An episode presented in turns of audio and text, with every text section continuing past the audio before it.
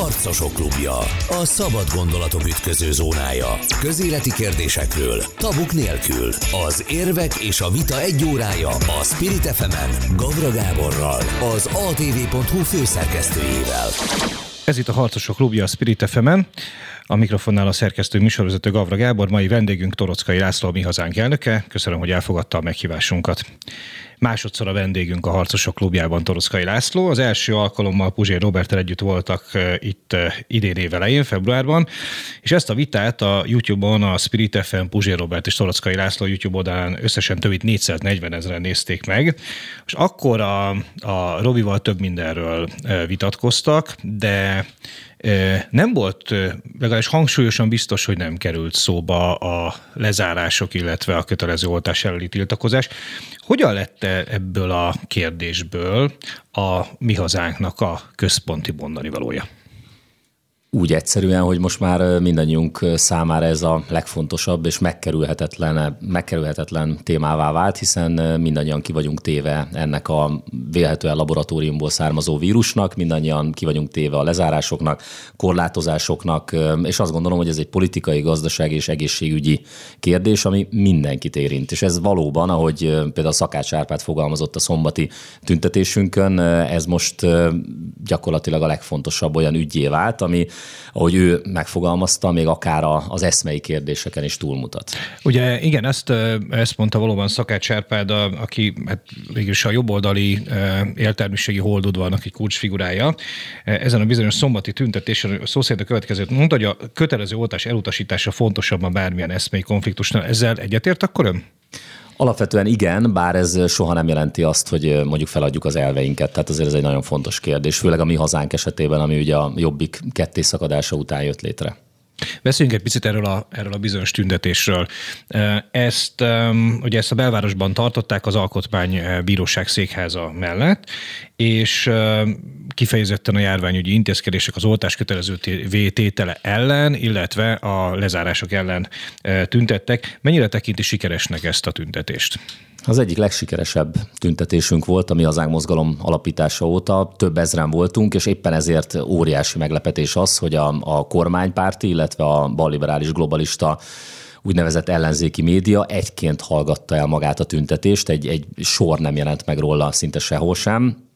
Miközben napok óta ugyanezek a médiumok címoldalon számoltak be az ausztriai, a hollandiai, vagy akár az olaszországi tüntetésekről. Ez egészen megdöbbentő. Úgy fogalmazott ezen a, ezen a tüntetésen, hogy, hogy ön az egyetlen oltatlan miniszterelnök jelölt.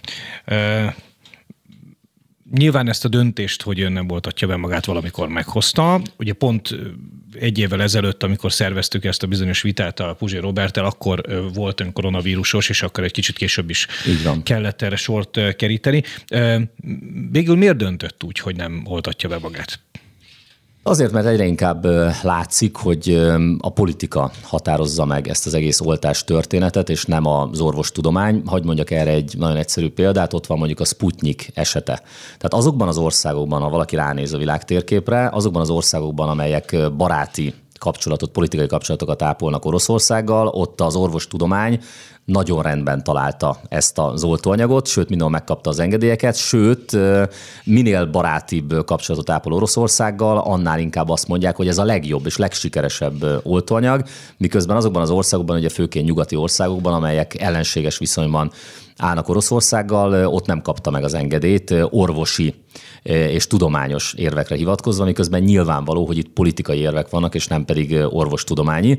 És hát amit látunk, hogy akár Magyarországon, vagy akár az Európai Unió legtöbb országában azt a Pfizer-féle oltást preferálják, amely ugye egy úgynevezett mRNS technológia, egy génbázisú technológiára épül, ami gyakorlatilag kísérleti stádiumban van, hiszen nem telt el kellő idő ahhoz, hogy hosszú távú hatásait meg tudjuk állapítani. Én ilyen körülmények között, főként úgy, hogy már átestem a koronavíruson, és ráadásul nem tünetmentesen, hanem voltak azért tüneteim, bár én ugye otthon, úgymond lábon ennek ellenére azért kihortam a koronavírust, ellentétben azokkal a, a politikusokkal, akár Gyurcsány Ferenccel, vagy akár Kósa Lajossal, vagy Pócs Jánossal, akik a, a kórházakból jelentkeznek be, meg a, meg a nagyon beteg ágyukról jelentkeznek be, úgy, hogy két-három oltás fölvétele után esnek ágynak, és betegszenek le. Hát ezek után azt gondolom, hogy jogos, hogy az ember legalábbis legyen szkeptikus, és kezdjen el utána nézni az információknak. És, a, és azon se gondolkodott egyébként, mert ugye mondta, hogy az mRNS alapú vakcinákkal szemben miért szkeptikus, hogy, hogy akár, a, akár az Astra, a Sputnik, akár a Sinopharm ebbe se gondolkodott? Tehát úgy volt vele, hogy átesett, természetes módon védetté vált, és akkor, és akkor nem. Ugye ezek közül a vektor alapú azért az, az, ha nem is annyira súlyos kísérleti stádiumban van, mint mondjuk az mRNS vakcina, vagy vakcinák, ugye egyedül a kínai, a Sinopharm az, ami, a, ami egy ilyen hagyományos, tradicionálisabb oltási forma. Ott már azért vannak hosszú távú tapasztalatok, de hát én azt gondolom, hogy pont a kínaiakban ebben a, a koronavírusra kapcsolatos ügyben szerintem nem nagyon lehet megbízni de egyébként azt gondolom, hogy még talán az a legkevésbé kockázatos, és nyilvánvalóan mindenkinek magának kell eldönteni, és a mi hazánk mozgalom az első pillanattól kezdve ezt képviseli, hogy az embereknek maguknak kell eldönteni ebben a helyzetben, hogy ő hogyan akar védekezni a vírussal szemben. A vírus itt van. Tehát ez nem kétséges számunkra, mi soha nem voltunk egy percig sem vírus tagadók, mi a vírussal kapcsolatban az első pillanatok kezdve azt az álláspontot képviseljük, hogy tudományos érvek alapján, tehát nem politikai, hanem tudományos érvek alapján nagyobb a valószínűsége annak, hogy ez egy laboratóriumból származó vírus, mint hogy természetes úton alakult ki. Ugye ma már az amerikai hatóságok körében is legalábbis az van amerikai hírszerzés van, vezetője jelentette ezt be. Tehát ez nagyon fontos, ugye April Haynes, az amerikai hírszerzés vezetője jelentette be azt, hogy valószínűbbnek tűnik a laboratórium eredet, mint, mint az, hogy egyébként ez természetes úton alakult ki. Tehát van egy, van egy vírus, az egy más kérdés egyébként. Most készítettem egy beszélgetés dr. Páli Jenővel, aki agykutató, orvosbiológus, a biológiai tudományok doktora, egy óriási, hatalmas nagy koponya, aki, aki ő hosszú, az önök képviselőjelöltünk. Ő országgyűlési képviselőjelöltünk is, és hosszú évek óta jár nemzetközi tudományos konferenciákra mindenféle orvostudományi kérdéssel kapcsolatban. Tehát egy, egy nemzetközileg elismert nagyon komoly szaktekintély, és az ő vezetésével felállítottunk most egy úgynevezett koronavírus kutatóközpontot. Ezt kellett volna megtennie egyébként a magyar kormánynak is, sőt azt gondolom, hogy más kormányoknak is, és az összes információt az emberek tudomására kell hozni, és hogyha ezeket az információkat az emberek tudomására hozzák, ugye Magyarországon elrejtenek mindenféle információt, ugye azt is csak Gulyás Gergely elejtett mondataiból tudjuk a kormányinforról, hogy egy kórház adatai alapján 45%-a oltotta a most kórházban lévő betegeknek. Na most nekünk már sokkal több információnk van, főleg, hogy ezt a videót elkészítettük. Négy nappal ezelőtt közzétettem a YouTube csatornámon, és 230 ezer megtekintésnél tart, reklám, Facebook megosztás és minden nélkül. Tehát óriás az igény, hatalmas igény van erre az emberek részéről és özönlenek hozzánk a levelek szakemberektől, olyan orvosoktól is kapunk levelet, amióta ez a videó megjelent, nyilván ők anonimitást kérnek, olyan orvosoktól, akik a COVID osztályokon dolgoznak, és, és egészen más a helyzet, mint amit azt egyébként a mainstream médiából mondják nekünk. Nagyon sok olyan kórház van, ahol nem 45 százalék, hanem több mint 50 százaléka az oltottak aránya a súlyos betegek között. Tehát itt valami nagyon nem stimmel ebben a történetben, és szerintem egy, egy tisztességes kormánynak, tisztességes politikai pártnak ezzel kellene foglalkozni, föltárni a valóságot a koronavírus eredetével kapcsolatban, hogy szándékosan kerülte ki, vagy egy laborbaleset következtében egyáltalán miről van szó, hogyan lehetséges az, hogy ugye Pál ilyen... A magyar kormánynak, vagy, a, vagy akár a magyar ellenzéknek ugye korlátozottak azért a lehetőségei azzal kapcsolatban, hogy a Wuhani laborral, vagy a Wuhani piaccal kapcsolatos feltételezéseket alátámaszol, hogy megcáfolja, nem? Mm, ez azért nincs így, mert egyrészt kiváló, remek tudósaink vannak.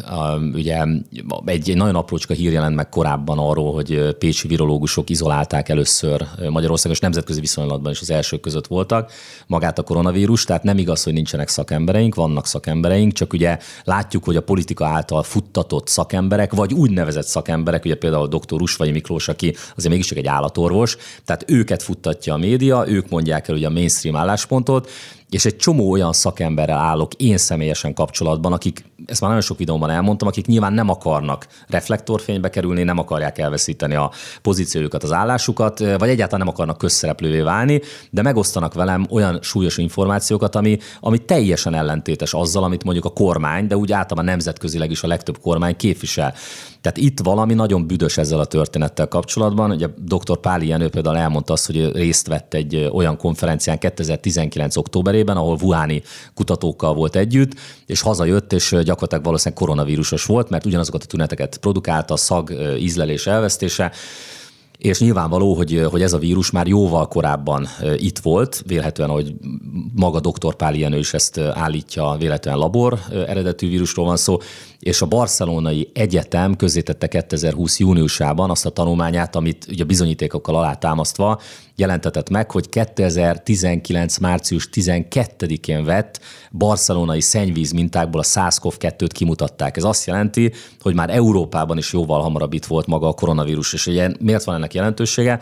Azért, mert például Bill Gates 2019. szeptember 4-én fektetett be, jelent meg befektetőként a német kormány honlapjáról, ugye bemutattam ezt az akkori cikket, befektető, tehát nem adományozóként, befektetőként jelent meg Mainzban, a BioNTech nevű cégnél, és így született meg a Pfizer-BioNTech vakcina, amiből irgalmatlan sok pénzt profitálnak jelenleg a, a vakcinagyártók.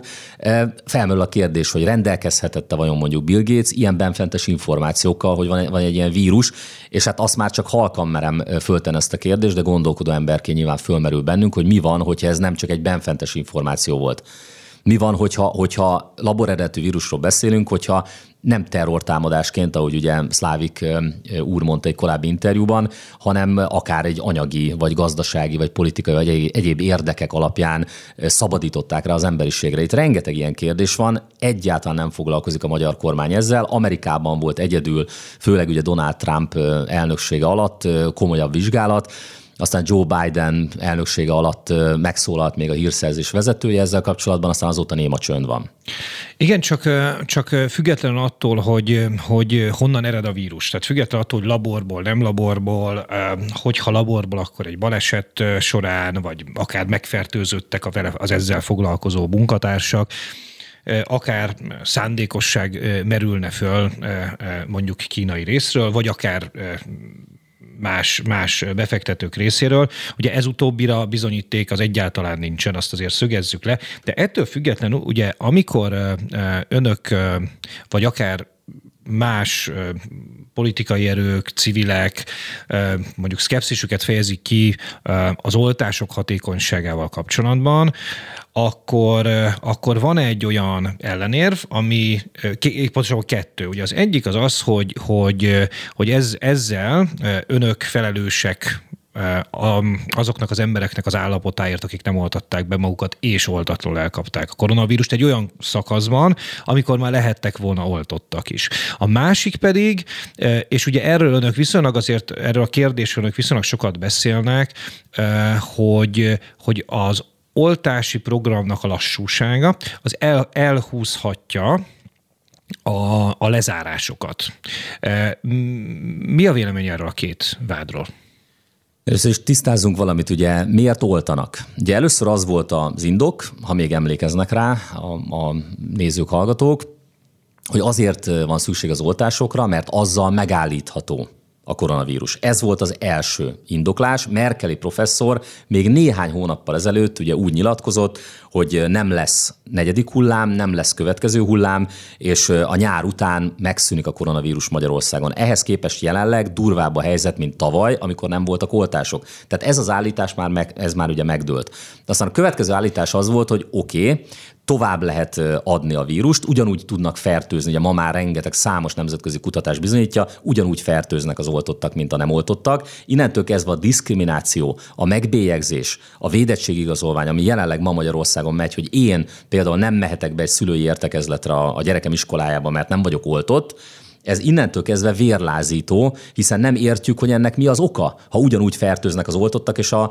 az oltatlanok. Tehát ez is megdőlt, ez a következő érv is megdőlt. Aztán azt mondták, hogy jó, de nem leszünk súlyos betegek, nem kerülünk kórházba, hogyha be vagyunk oltva. Ehhez képest számos közszereplő, számos politikus van, aki három oltást is kapott, de kettőt minimum, és kórházba került. Én például mondjuk nem kerültem kórházba, és ugye oltás nélkül átvészeltem a koronavírust. Közben megjelent ugye egy olyan kutatás, amit szintén ugye ismertettünk dr. Páli Jenővel, egyébként ez az Amerikai Egyesült Államokban jelent meg. 68 országot vizsgáltak ezek a kutatók most a világon, és közel 3000 amerikai megye adatait vetették össze. Ez azért egy elég komoly reprezentatív kutatás és felmérés és ebből ugye két nagyon fontos megállapítást tettek. Az egyik, hogy ott terjed most legjobban a maga a koronavírus járvány, ahol nagyobb az átoltottság, ez nagyon érdekes megállapítás.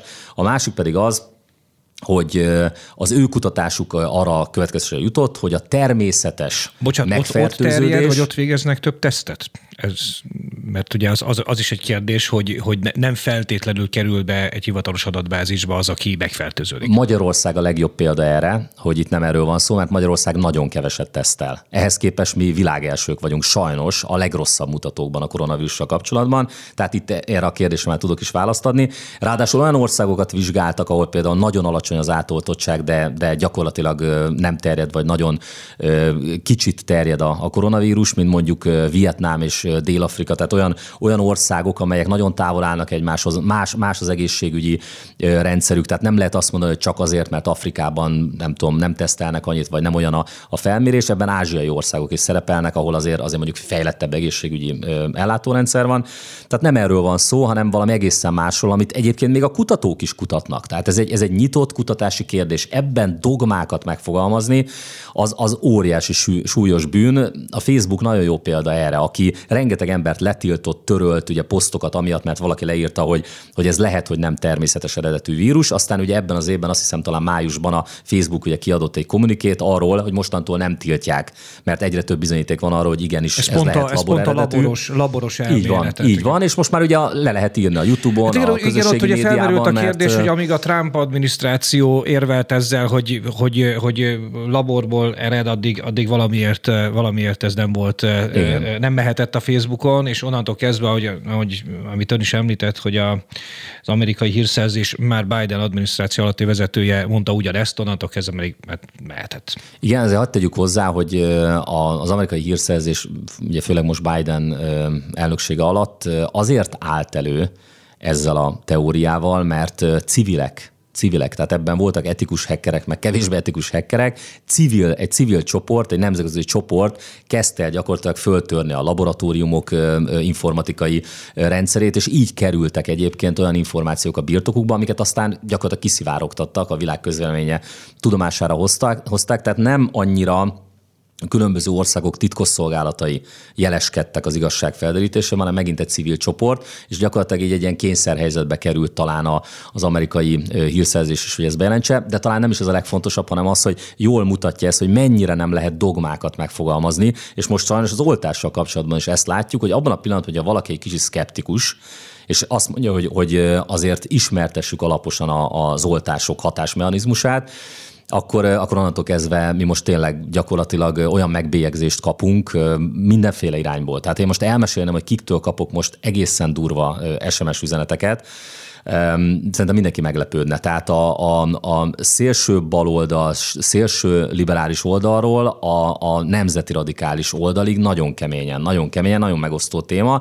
Ebben volt mindenképpen igaz a Szakács Árpádnak, hogy én annyit tettem hozzá, én az elveimet eddig is ezután sem adom fel, de abban igaza volt Szakács Árpádnak, hogy láthatóan eszmei kérdések fölé nőtt a koronavírus témaköre. Olyan emberek jöttek el a tüntetésünkre egyébként már március 15-én, amikor kb. 20 millió forintra bírságolt minket minket a, a rendőrség. A március 15-i, akkor még csak ugye a lezárások ellen tüntettünk. Azon a tüntetésen Réz András felesége, ha jól emlékszem, nyilatkozott ott egy lapnak, tehát olyanok jelentek meg azon a tüntetésen, akikre azért mi sem számítottunk volna, de egyszerűen ennek nagyon egyszerű oka van, hogy ez most mindenkit érint.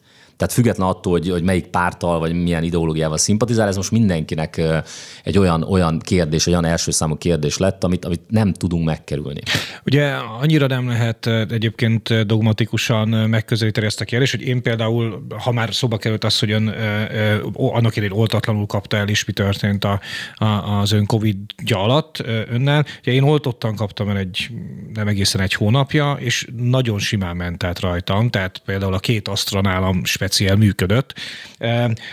Ebben, a, ebben a részben, két percünk van az első részből, visszatérnék én is egy kicsit a Szakács Árpádnak a kijelentésére.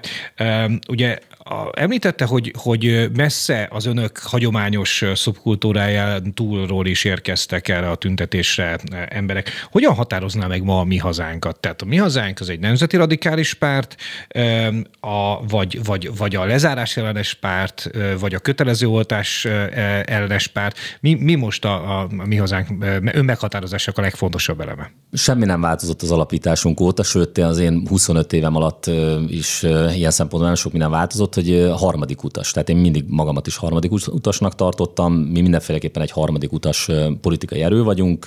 Ugye sem a globalista baloldal vagy balliberális oldalhoz nem tartozunk, sem pedig a Fidesz féle oldalhoz nem tartozunk. Mi egy harmadik utat képviselünk, ez gyönyörűen látszik ebben az ügyben, hiszen összeér a Fidesz ezzel a, balliberális globalista táborral, ugyanazt mondja gyakorlatilag Márkizai Péter és Orbán Viktor, valójában már rég kötelező oltást szeretnének, ezt konkrétan maradjunk annyiban, hogy ezt mi tudjuk, e, és azért nem merik megtenni, most a, mert, most nagy, a, Fidesz mert nagy az szeretne, vagy az ellenzék szeretne kötelező oltást? Mind a kettő. Mind a kettő ezt szeretné, azért nem merik meglépni, és ugye Márkizai Péter még néhány héttel ezelőtt azt mondta, hogy ugye Orbán Viktor egyetértve, hogy, hogy el tudná fogadni a kötelező oltást. Most már ugye azt nyilatkozta néhány nappal ezelőtt a tüntetésünket követően, hogy, hogy, hogy azért nem kéne a, a kötelező oltást, hiszen arról van szó, hogy választások lesznek, nem merik meglépni, nem akarják, hogy a mi hazánk mozgalom erősödjön, látják a nagy társadalmi ellenállást, de valójában a kötelező oltások pártján áll a balliberális oldal és a Fidesz is. Tehát megint látszik, hogy mi egy igazi harmadik út vagyunk, és még egy dolgot hagyd tegyek hozzá. Ha megnézi Nyugat-Európában, akkor pont egyébként az úgynevezett nemzeti radikális pártok képviselik ugyanazt, amit mi képviselünk Magyarországon, tehát ők tüntetnek leghangosabban a nem csak a lezárások ellen, ugye annak gazdasági vetülete van, hanem az új világrend ellen is. Na, itt innen folytatjuk Toroszkai Lászlóval, a Mi Hazánk elnökével egy rövid szünet után. Harcosok klubja. A szabad gondolatok ütköző zónája. Közéleti kérdésekről, tabuk nélkül. Az érvek és a vita egy órája a Spirit fm Gavra Gáborral, az atv.hu főszerkesztőjével. Folytatódik a Harcosok Klubja a Spirit fm a mikrofonnál a szerkesztő műsorvezető Gavra Gábor, mai vendégünk pedig Torockai László, a mi hazánk elnöke. Köszönöm, hogy elfogadta a meghívásunkat.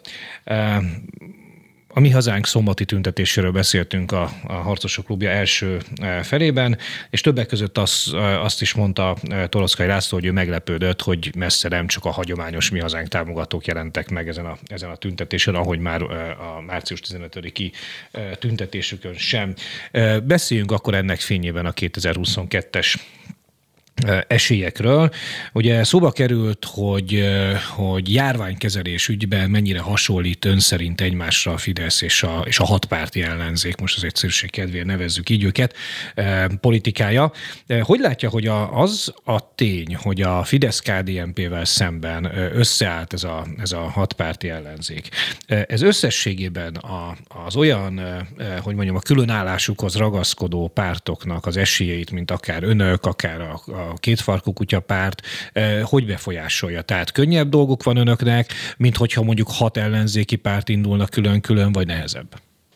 Közvélemény kutatási adatok, ami ugye engem legendásan soha nem szokott érdekelni, egyébként azok azt mondják, vagy azt mutatják, hogy hogy azzal, hogy ők összeálltak, és ezzel ugye a nyilvánosság előtt, előtt is vállalták azt, hogy valójában ők egy tömböt, egy csapatot képeznek, ez minket erősít. Tehát, hogyha három lista lesz, akkor nyilvánvalóan a mi hazánk listájára valószínűleg több szavazat érkezik, ugyanakkor 25 éves politikai pályafutásom során soha nem volt még olyan választás, mint ami most előttünk áll, soha nem volt még olyan történelmi helyzet és pillanat, mint ami jelenleg van, és soha nem volt, illetve bocsánat, a második világháború óta nagyjából nem volt olyan, hogy kiárási tilalmat rendelnek el Magyarországon, hogy a koronavírus kapcsán még ezt is megtapasztaltuk.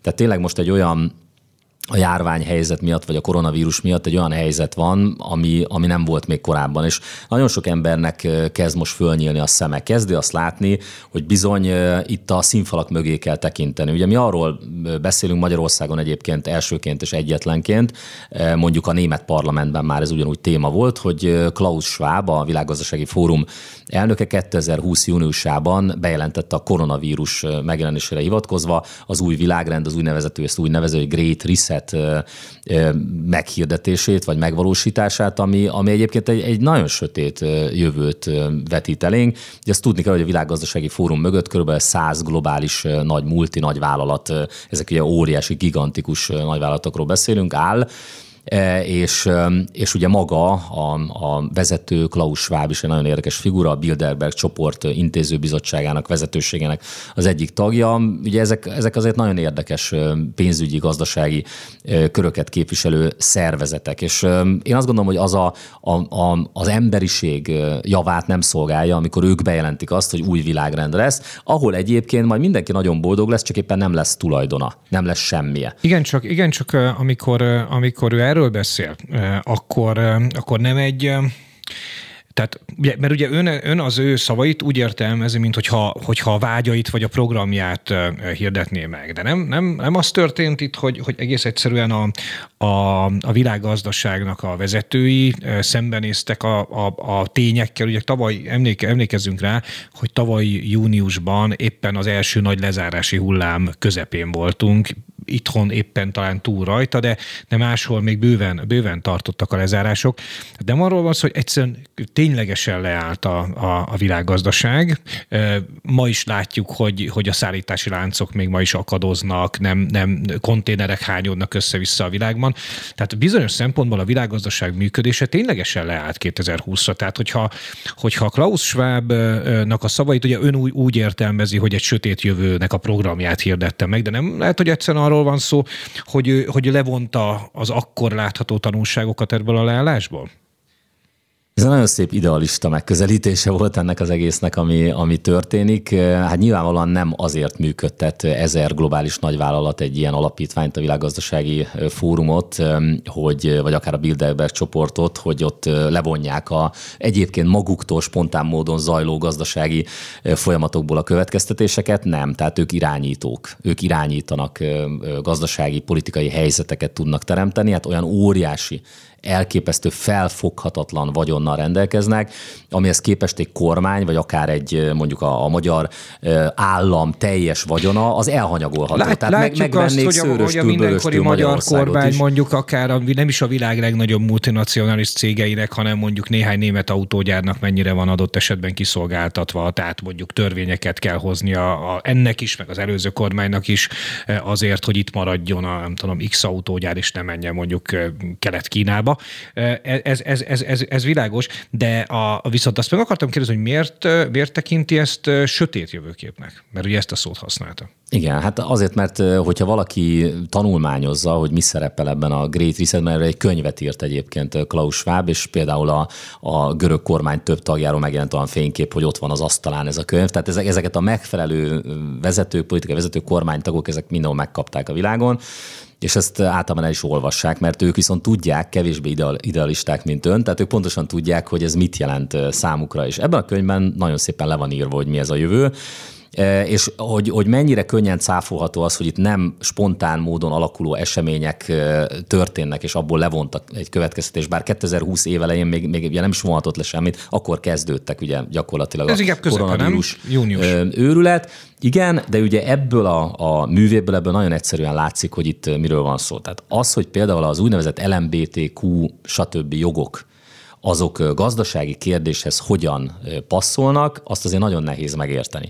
Ugye ebben a Great Resetben, ugye ez is le van írva, hogy, hogy csúcsra kell járatni a, a munkahelyeken az LMBTQ jogokat. Nyilván ez egyfajta kvótát akar jelenteni, hogy nem tudom hány dolgozónak kell lenni olyannak, aki a magát az LMBTQ és a többi világhoz tartozónak tartja. Ez, ez, ez az a sötét jövőkép. Tehát a, ugye erre mondtam én viccesen még tíz évvel ezelőtt, hogy hogy remélem azt nem érjük meg, hogy kötelező lesz homoszexuálisnak lenni. Hát körülbelül ez, ami a Great Resetben benne van, ez már lassan a, kvóta irányába halad. Ez egy rendkívül veszélyes folyamatnak tartok, és ez is mutatja, hogy itt, itt nem spontán gazdasági folyamatokról, hanem ideológiai kérdésekről is szó van. Az is benne van a, a Great Resetben. Én egyébként ezt úgy neveztem, nem tudom, talán egy ausztrál újságíró fogalmazott hasonlóképpen, de talán, talán én mondtam ezt egyedül a, a világon, hogy ez egy marxista kapitalizmus, amit ők képviselnek, ami ugye egy őrület. Tehát a marxizmus hogy jön össze a kapitalizmussal? Hát úgy, hogy valójában ők azt mondják a Great Resetben, ebben az új világrendben, hogy senkinek sem lesz tulajdona, senkinek sem lesz vagyona, mindent ugye bérelhetünk, vagy hitelből vehetünk majd meg esetleg, de lehet, hogy az sem kerül soha saját nevünkre, nem tudom, leasingelhetjük, de valójában nem az állam lesz a tulajdonos, mint a kommunizmusban, hanem ezek az óriási pénzemberek. Így valósul meg a marxista kapitalizmus, aminek főként a, a, a marxizmus része az inkább ez a, a kulturális marxizmust jelentés. Így kerül bele az LMBTQ, vagy akár mondjuk a, nem tudom, a vallásellenesség egy ilyen gazdasági ö, intézkedés csomagba. És ebből is látszik, hogy itt kőkemény ideológiai döntésekről van szó, amit ahogy az előbb elmondtam, hogyha még azzal együtt tudunk, hogy, hogy már jóval korábban megjelent a koronavírus, mint ahogy most azt a WHO mondja, akkor bizony el kell kezdeni azon gondolkodni, hogy véletlen eseményekről van szó, spontán eseményekről, vagy egy tervezett eseménysorozatról. És azért gondolom, hogy ez egy sötét jövő, mert itt beszélnek ugye a digitális pénzről, olyan digitális pénzről, amit például a kínai yuánt úgy szeretnék bevezetni, hogy a, a Facebook tulajdonos Mark Zuckerberg digitális pénzrendszerén keresztül akar akarják bevezetni, hogy az is világossá válik, hogy az úgynevezett amerikai, ugye Donald Trumpék úgy mondták, hogy deep state, tehát az amerikai, hát ilyen globalista, balliberális háttérország, az valójában gyönyörűen együttműködik egyébként már Kissinger óta a kínai kommunista párttal. És azért ez a kettő együtt, ez igenis veszélyt jelent. Oké, okay, um, ugye amit, amit ön elmondott, az tulajdonképpen, vagy amilyen jövőképet nem önvázolt fel, hanem Klaus Schwabnak a, a, a könyvéből hát idézett, az, az egy ilyen, ilyen eléggé túlhajtott társadalommérnökösködés. Ugye az a kérdésem, hogy, hogy mert, mert ugye azt, azt azért nem nagyon nehéz lenne azt állítani, akár, akár még, hogyha valamiféle munkahelyi kvóta szóba is kerül a, a LMBTQ jogokkal kapcsolatban, mondjuk az ilyen társadalmi diverzitás jegyében, az azért, azért azt, amit ön saját magától idézett tíz évvel ezelőttről, hogy, hogy, hogy azért azt senki nem mondja, hogy kötelező lenne homoszexuálisnak lenni. Tehát, hogy azért ezt, ezt, ezt nyilvánvalóan a Klaus Schwab sem mondja, meg nem, nem, nem kerül szó, szóba az ő elképzeléseiben. De térjünk vissza egy picit a, a, az eredeti kérdésre, hogy a mi hazánkra, a két, két nagy politikai tömnek az összeállása, az a mi hazánk esélyére hogy hat. Um, Könnyebb vagy nehezebb dolguk van-e, így, hogy Bárkizaj Péter az ellenzék miniszterelnök jelöltje, és nem pedig Dobrev Klára? Nyilvánvalóan Márkizai Pétert kitalálták, tehát ő mindenféleképpen ártalmas egyébként abból a szempontból a mi hazánk mozgalomra nézve, és úgy egész Magyarországra nézve is abból a szempontból, hogy ő magát szintén valamilyen harmadik utasnak hirdeti, ami, ami ugye egy vicc. Tehát ő nem harmadik utas, hanem mögötte az a DK az a balliberális globalista párt szövetség áll, aki belőle kormányfőt csinálhat majd. És egyébként hagyd tegyem hozzá, bármikor bármikor vissza is hívhatja. Egy egyszerű bizalmatlansági eljárással bármikor leválthatják, akár három hónappal a választások után, csak annyi a szerepe Márkizai Péternek, hogy hatalomra segítse ezt a, ezt a balliberális nemzetellenes tehát összefogást. egyfajta ilyen, egyfajta, tehát ön úgy látja, hogy egy ilyen kicsit, kicsit mint Megyesi Péter annak idején? Tehát ez a szerepe hát, neki? Megyesi vagy? Péter ugye ő, ő, egy ügynök volt, tehát egy kommunista ügynök, tehát azért nem, nem, mert ugye Márkizai Péter magát egy keresztény, nemzeti, harmadik utas figurának mutatja, miközben valójában a globalisták embere. Tehát azért ő nem tudjuk pontosan, hogy mit csinált az Egyesült Államokban, Kanadában, nyilván van egy hivatalos verzió, verzió, de azért ő évekig ott élt. Én egyet tudok mondani, hogy amit én elmondtam hogy egy videóban 200 Ez önmagában gondolom nem tekinti bűnnek, hogy a tengeren Az, hogy külföldön élt, élt, nem, természetesen azt nem tartom bűnnek, sőt nagyon örülnék, hogyha mindenki hazajönne. Csak az viszont már komoly probléma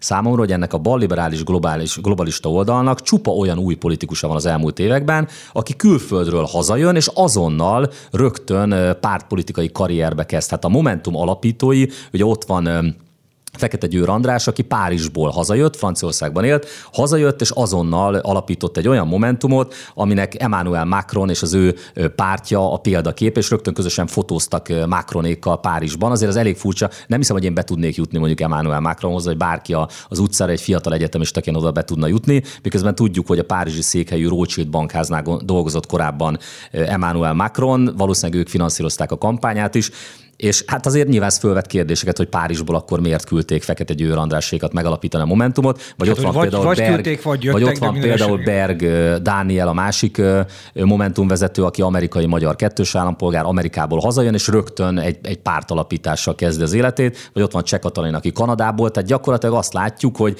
Márkizai Péternek is azért nyilván meg kellene tőle kérdezni, hogy van-e a magyar mellett más állampolgársága, mert ez azért akár amerikai vagy akár kanadai, ez azért mindenféleképpen felvethet van, és ha van, az akkor az ön szemében azt az, az kizárná azt, hogy ő Magyarország Hát miniszter, miniszterelnök szerintem ne legyen olyan, akinek más állampolgársága is van. Tehát szerintem miniszterelnök az, az olyan legyen, akinek magyar állampolgársága van, és egyébként minden, minden bizonyíték arról szól, hogy nem kötődik egy külföldi állam titkosszolgálatához. Hát ez, ez gyakorlatilag életveszélyes a, a magyar De ugye egyrészt kötődhet úgy is eh, valaki, nem, nem konkrétan róla beszélek, hanem kötődhet valaki úgy is egy külföldi titkosszolgálatához, hogy egy állampolgársága van, tehát hogy magyar állampolgársága Nyilván. van, meg, meg nem feltétlenül kérdőjelezi meg azt a Magyarország iránti lojalitását, hogy van egy másik állampolgársága is. Hát azért esküt kell tenni, amikor az ember állampolgársági esküt tesz, tehát azért szerintem az eskü az, az meg kötelezi az embert. De ennél én az állampolgársági kérdésnél sokkal súlyosabbnak tartom azt, amit elmondtam abban a 250 ezeres nézettségi videómban Márkizai Péterrel kapcsolatban. Nekem konkrét információim, bizonyítékaim vannak arról,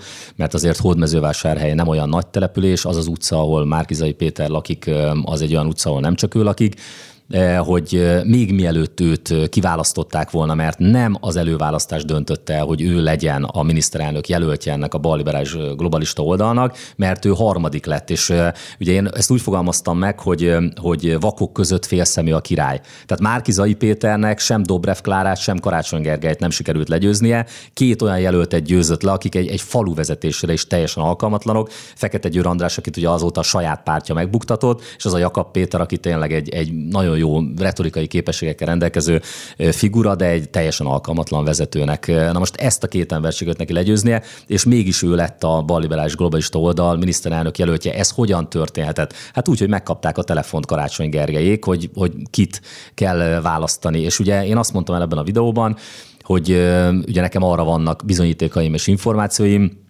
hogy az amerikai nagykövetség diplomata rendszámos autója rendszeresen ott állt esténként a hódmezővásárhelyi háza előtt, még azelőtt, hogy őt egyébként miniszterelnök jelölté választották. nem- akkor nem azért hozzám, hozzám ezt, azért nem? járnak diplomaták értem, de, de, de, vacsorázni hogyha, de a, hogyha az tanyámra. nagykövetségi autóval érkeztek esetleg amerikaiak Márkizai Péterhez, akkor azért nem konspirálták túl ezt a találkozót. Azt azért tegyem az, hogy nem mindig diplomata rendszámos autóval érkeztek, csak azért volt olyan is, amikor diplomata rendszámos autóval, de egyébként nem konspirálták túl, mert hát olyannyira nem konspirálják túl, hogy ő maga hirdeti, és tele van a sajtó azóta is, amióta a miniszterelnök jelölté vált, hogy körbe turnézza az egész világot, és mindenhol olyan egyébként ezekhez a globalista körökhöz kapcsolódó országok nagykövetei fogadják. Ugye kiszervezte még a, a két forduló között számára nagykövetekkel, diplomatákkal Budapesten a találkozót, ahol megint csak zárt ajtók mögött nem tudjuk, hogy mi hangzott el. A francia nagykövet asszony, ha már említettem Emmanuel Macron az előbb, vagy például olyan nagykövetek, olyan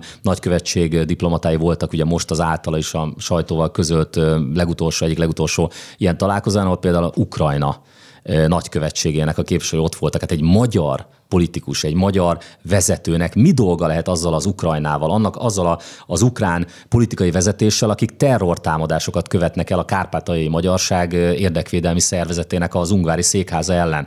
Tehát ahol, ahol kőkemény magyar ellenes események zajlanak, ahol most már nem, nem csak engem, Toroszkai Lászlót, hanem, hanem mondjuk a kormány, nem tudom, képviselőit, országgyűlési képviselőit kitiltják indoklás nélkül, vagy például a felvidéki magyarok pártjának az elnökét, ugye néhány héttel ezelőtt kitiltották Ukrajnából, nem tudott találkozni a kárpátai magyarok vezetőjével, a felvidéki magyarok politikai vezetője.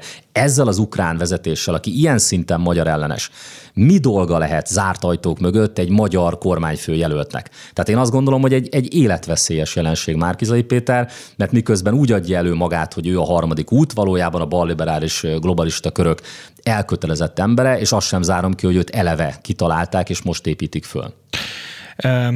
Még van néhány témánk és 10 percünk összesen, úgyhogy, úgyhogy szerintem lépjünk tovább. Néhány hete ön a, a Hit Rádiónak a vendége volt, eh, ahol a Király Tamás kollégának a kérdésére kategorikusan kijelentette, hogy sem ön, sem pedig a pártja nem náci. Ugye ez talán ezzel kezdődött az interjú.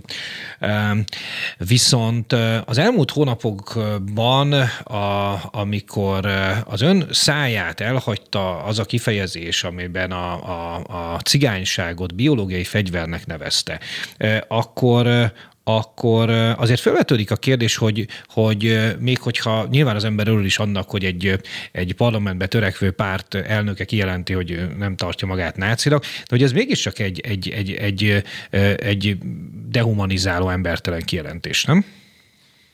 Én nem gondolom, én azt gondolom, hogy azt kell látni, hogy a cigányságot felhasználják. Nagyon régóta felhasználják, nem igen, csak igen, magyarországi igen, igen, igen, de amikor, bocsánat, amikor, amikor biológiai fegyvert emleget, akkor ugye kórokozókhoz hasonlít embereket. Tehát én ezért, ezért kérdezem, ezért mondom, de most ez nem egy ilyen, hogy mondjam, nem egy ilyen általános kérdés, hogy dehumanizás, hanem konkrétan itt embereket hasonlított vírusokhoz. Én ott arról beszéltem, hogy amikor az új világrend kialakítását látjuk, amikor ezt nem titkosan, tehát ez nem valami, valami tudom, titkos háttérhatalom, hanem egy teljesen nyilvánvaló, ha úgy tetszik, akkor deep state vagy háttérhatalom természetesen, de egy, egy látható világgazdasági fórum, tehát ezek meghatározható körök, egy új világrendet hirdet meg. És azt is elmagyaráztam, hogy ennek következtében tavalyi videóimban, tehát ugye a szó elszáll, a videó az megmarad, szoktam mondani. A tavalyi videóimban elmondtam, hogy ennek az egész koronavírus őrületnek a következtében egy mesterséges gazdasági krízis teremtenek. Ez nagyon fontos dolog. Politikai döntésekkel teremtette gazdasági krízis. Magyarországon ugye az államadóság szintje elképesztő, ugye 95-ös szinten van jelenleg, az államháztartási deficit soha nem volt még ilyen magas. Egy olyan gazdasági krízis teremtettek, hogy a végén majd nem fogjuk érteni, és persze ez globálisan is zajlik, nem fogjuk érteni, hogy miért nem tudjuk megvenni az alapvető élelmiszereket a boltban, miért nem tudunk tankolni az autónkban, miért szálltak el az árak. És jelenleg ez már történik, zajlik. Tehát amit előre megjósoltam, az történik. És most megint jósolok valamit, ez ennél rosszabb lesz ez a gazdasági helyzet. És amikor azt látjuk, hogy ehhez igenis a koronavírust felhasználják ezekhez a, a gazdasági, mesterséges krízisekhez, és azt látjuk, hogy a cigányságot ugyanígy felhasználják egyébként ugyanezek az erők, akár arra, hogy választást nyerjenek, és egyébként ez a Fideszre és a balliberális oldalra is ugyanúgy igaz, hogy felhasználják őket, akkor igenis van egyfajta igen, párhuzam. Igen, de amit most mond, amit most mond, és ahogy ön most kifejezi magát, abban a, abban a, a mondjuk metaforában a cigányság egy áldozat. A, viszont amikor, amikor, amikor biológiai fegyvernek nevezi őket, akkor pedig, akkor pedig egy ne, nem embernek nevezi őket. Tehát, hogy mondjam, hát legalábbis a, a, a kifejezés az, azt nem most se érzi problematikusnak? Tehát amit akkor nem, amit most használt, hanem amit akkor használt. Nézze, amikor azt olvasom három nappal ezelőtt a hírekben, hogy Salgótarján mellett egy 92 éves idős néninek betör a házába egy cigány fiatalember, és meg akarja erőszakolni, és ugye nagyon sok ilyen eset van, amikor meg is erőszakolják őket, akkor mindegy, hogy ez most dehumanizálásnak, vagy minek nevezzük, nem tartom embernek az ilyet nem tartom embernek. És azt a fajta... De ő nem erről a konkrét fiatalemberről és nyilván az a mondjuk ásodhalmi cigányember, mert ugye vannak ásodhalmi cigányemberek, akiről tudom, hogy tisztességesen dolgozik, egyébként elsőként odajön, és a mi hazánknak mindig alá is ír, és ránk szokott szavazni, és nyilván személyesen ismerem, és tudom, hogy egy, egy végtelenül tisztességes, normális, rendes ember, akkor nyilván ez nem rávonatkozik, amit most az előbb mondtam. De én egyébként még egyszer mondom, abban a kijelentésemben erre a fajta globális politikai, gazdasági körre utaltam, amely igenis így ha fegyverként használja a társadalmunk, a civilizációnk ellen, akár a cigányságot, akár a koronavírus témakörét, de természetesen azért különbséget tudok tenni a között a nem tudom, cigány fiatalember között, aki egy 92 éves nénit megerőszakol, kirabolja és, és agyonveri, meg a között a, a normális, mondjuk ásodhalmi cigányember között, akiről tudom, hogy egy, egy végtelen tisztességes életet él és dolgozik. Tehát azért ezt, ezt, ezt ennyi kiegészítést hozzá kell tenni. Ezzel, ezzel, ezzel ez a kapcsolatban... szöveg környezetéből kiragadott fél mondatok azért az, az nem olyan, mint amikor ki hát tudom azért, fejteni. Azért vagyunk itt, hogy, ki hogy tudom tudjunk... fejteni. Igen, de azért ez egy ritka lehetőség, hogy én ki tudom egy, egy médium esetében ki tudom fejteni a, a véleményemet. Mondjuk az RTL klubban vagy a TV2-ben soha erre nekem nincs a lehetőségem. Tehát úgy azért egy híradásból egy fél mondatot nyilván könnyebb, akár tudatosan fél. Ezzel, ezzel, ezzel a kérdéssel, ezzel a, a, a kijelentésével kapcsolatban még kettő kérdésem menne, aztán még remélem, hogy a, a, a, a, tudunk beszélni 2006-ról is még egy kicsit. A, az, egyik, az egyik kérdésem az az, hogy ha mondjuk egy szomszédos országnak valamelyik, mondjuk azt, hogy radikális jobboldali pártjának a vezetője a magyarságot biológiai fegyvernek nevezni, akkor azt hiszem, hogy ön ezt kikérné magának, és nyilván teljes joggal. Tehát nem, nem, nem gondolja azt, hogy, hogy ha mondjuk cigány vezetők kikérik maguknak a, a, ezt a, a, az, az önnek, a, önnek a szóhasználatát, független attól, hogy, hogy, hogy mi volt ennek a kontextusa, és független attól, hogy ön pontosan hogy értette, akkor, akkor ebbe igazuk van? Nézze, én szerintem a cigányvezetők azok inkább hallgassanak, mert ők tevékeny részesei annak, hogy a cigányságot tudják használni ezek a globalista erők, mert ahelyett, hogy, hogy a markukat tartották volna mondjuk az elmúlt néhány évtizedben, tehettek volna valamit a saját népükért. Egyébként a szomszédos országok mondjuk a magyar ellenes erője ennél durvább kifejezéseket szoktak a magyarokra alkalmazni. E, és egyébként, e, ha már a cigányságról beszélünk, akkor e, mi például arra a demográfiai problémáról is beszéltünk, ami Persze megoszthatja a cigányságot, mert van olyan cigány, aki azt mondja, hogy nagyon jó, és egyébként magyar gyűlölő, és, és kőkeményen rasszista, és utálja a magyarokat, meg lebüdös parasztozza a magyarokat, aki nekünk is meg szokta írni azt, hogy, hogy nem sokára végetek lesz, mert mi többségbe kerülünk majd az országotokban, Magyarországon, és ez cigányország lesz. Most ezzel a problémával senki nem beszél, pedig biztos vagyok benne, hogy nagyon sok magyar ember találkozik ezzel a fajta magyar gyűlölő hozzáállással vagy attitűddel, mondjuk Borsod megyében, Nógrád megyében, Jásznak Nagykunszolnok megyében egyre több ilyen megye van Magyarországon, ahol ezt a magyarok arcába vágják. Aztán van olyan, mint Rácz Béla, egy cigányvezető ugye Török Szent Miklóson, akit azóta kiszorítottak, amióta kiállt amellett, amit mi képviseltünk ugye 2019-ben, amikor börtönbe juttattunk egy helyi cigány fiatalembert, aki egyébként egy, egy mocskos bűnöző, és számomra nem ember, ha már itt tartunk, és, és nem azért, mert nem tudom, cigánynak született, hanem azért, mert végigverte a babakocsit toló anyukát az utcán, meg idős nyugdíjasokat alottózóban bedrogozva félholtra vert, számomra ezért nem ember ez a figura, de Rácz Béla, aki viszont azt mondta, hogy igenis nekünk igazunk van, és lehet, hogy Toroszkai radikálisan fogalmaz, de a cigányságnak sem lenne jó egy olyan ország, ahol akár fizikai értelemben többségbe kerül a cigányság, és ebből egyfajta ilyen polgárháború, vagy nem tudom milyen anarchia következne be Magyarországon, és ezt ő sem akarja, mert hogy amellett, hogy cigány, amellett ő legalább annyira magyarnak tartja magát, és büszke arra, hogy magyar, és feláll, amikor a, a himnusz szól a tévében. Tehát ilyen cigány emberekkel is szoktam találkozni. Nagykátán az utcafórumon is odajöttek úgy cigányok, akik azt mondták, hogy de figyelj már, mi magyarok vagyunk, elsősorban magyarok vagyunk, és hát akkor nincs semmi probléma probléma. Tehát nekem azokkal az emberekkel nincsen problémám, aki azt mondta, hogy ő ugyanúgy jönne és harcolna Magyarországért, ha Magyarországot mondjuk külső támadás érné.